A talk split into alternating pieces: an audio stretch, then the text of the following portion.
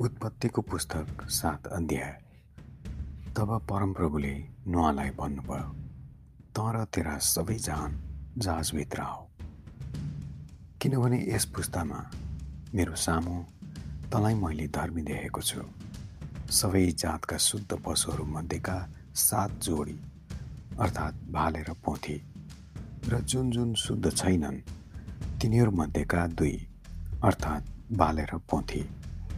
र पक्षीहरूमध्येका पनि सात जोडी अर्थात् बालेर पोथी समस्त पृथ्वीमा तिनीहरूका जातिहरूलाई जीवित राख्न तिनीहरूलाई तैँले ल्याउनु।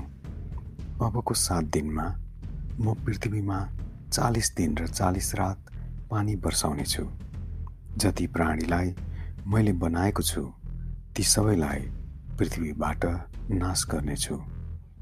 तब परमप्रभुले तिनलाई हुकुम गर्नुभए बमोजिम। नोवाले सबै गरे। नोवा छ सय वर्षको हुँदा पृथ्वीमा जलप्रय भएको थियो।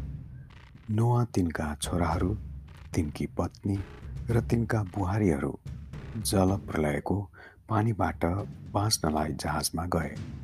शुद्ध पशुहरू र अशुद्ध पशुहरू पक्षीहरू र भुइँमा घस्रने हरेक प्राणी परमेश्वरको हुकुम बमोजिम जोडी जोडी अर्थात् बाले र पोथी नुवा जहाजमा आए। अनि ठिक सात दिनपछि पृथ्वीमा जल प्रलयको पानी पर्न लाग्यो। नुहाका जीवनको छ सय वर्षको दोस्रो महिनाको सत्रौँ दिनमा ठुला ठुला अगाधका सब मूलहरू फुटे र आकाशका द्वारहरू खुले अनि चालिस दिन र चालिस रातसम्म पृथ्वीमा पानी परिरह्यो। ठिक त्यसै दिन नुवा तिनका छोराहरू सेम हाम र एपेट तिनकी पत्नी र तिनका तिन बुहारीहरू जहाजभित्र पसे। तिनीहरू र आफ्ना जात अनुसारका सबै वन पशुहरू सबै पालिने पशुहरू भुइँमा घस्रने सबै प्राणीहरू र आफ्ना जातका सबै थरीका पक्षीहरू पसे।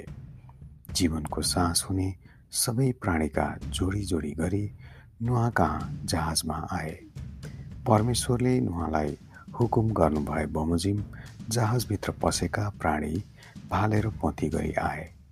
त्यसपछि परमप्रभुले जहाजको ढोका थुनिदिनुभयो। पृथ्वीमा चालिस दिनसम्म जलप्रलय भइरह्यो। पानी बढेर जहाजलाई उचाल्न लाग्यो। र त्यो पानीबाट माथि जान लाग्यो। पानी धेरै परिरह्यो र चौपट्टै बढेर पृथ्वीमा भरिन लाग्यो र जहाज पानी माथि माथि उत्रन लाग्यो। पानी पृथ्वीमा जोडसँग परिरह्यो र आकाश मुनिका जम्मै अग्ला अग्ला पर्वतहरू ढाकिए। पानी बढेर आयो र पर्वतहरूलाई सात मिटरसम्म डुबाइदियो। पृथ्वीमा चलहल गर्ने सबै जीवित जीवात के पक्षी के पालिने पशु के वन पशु के भुइँमा घस्रने सबै प्राणीहरू तथा मानिसहरू मरे। उभानो भूमिमा भएका सास हुने सबै प्राणी मरे अनि जति प्राणी जमिनमा थिए के मानिस के पशु के घस्रने जन्तु के पक्षी सबै मासिए। तिनीहरू पृथ्वीबाट मासिए। केवल नुवा र जतिजना तिनीहरूसित जहाजमा थिए तिनीहरू मात्रै जीवित रहे। अनि पृथ्वीमा पानी एक सय पचास दिनसम्म रहिरह्यो। आमेन।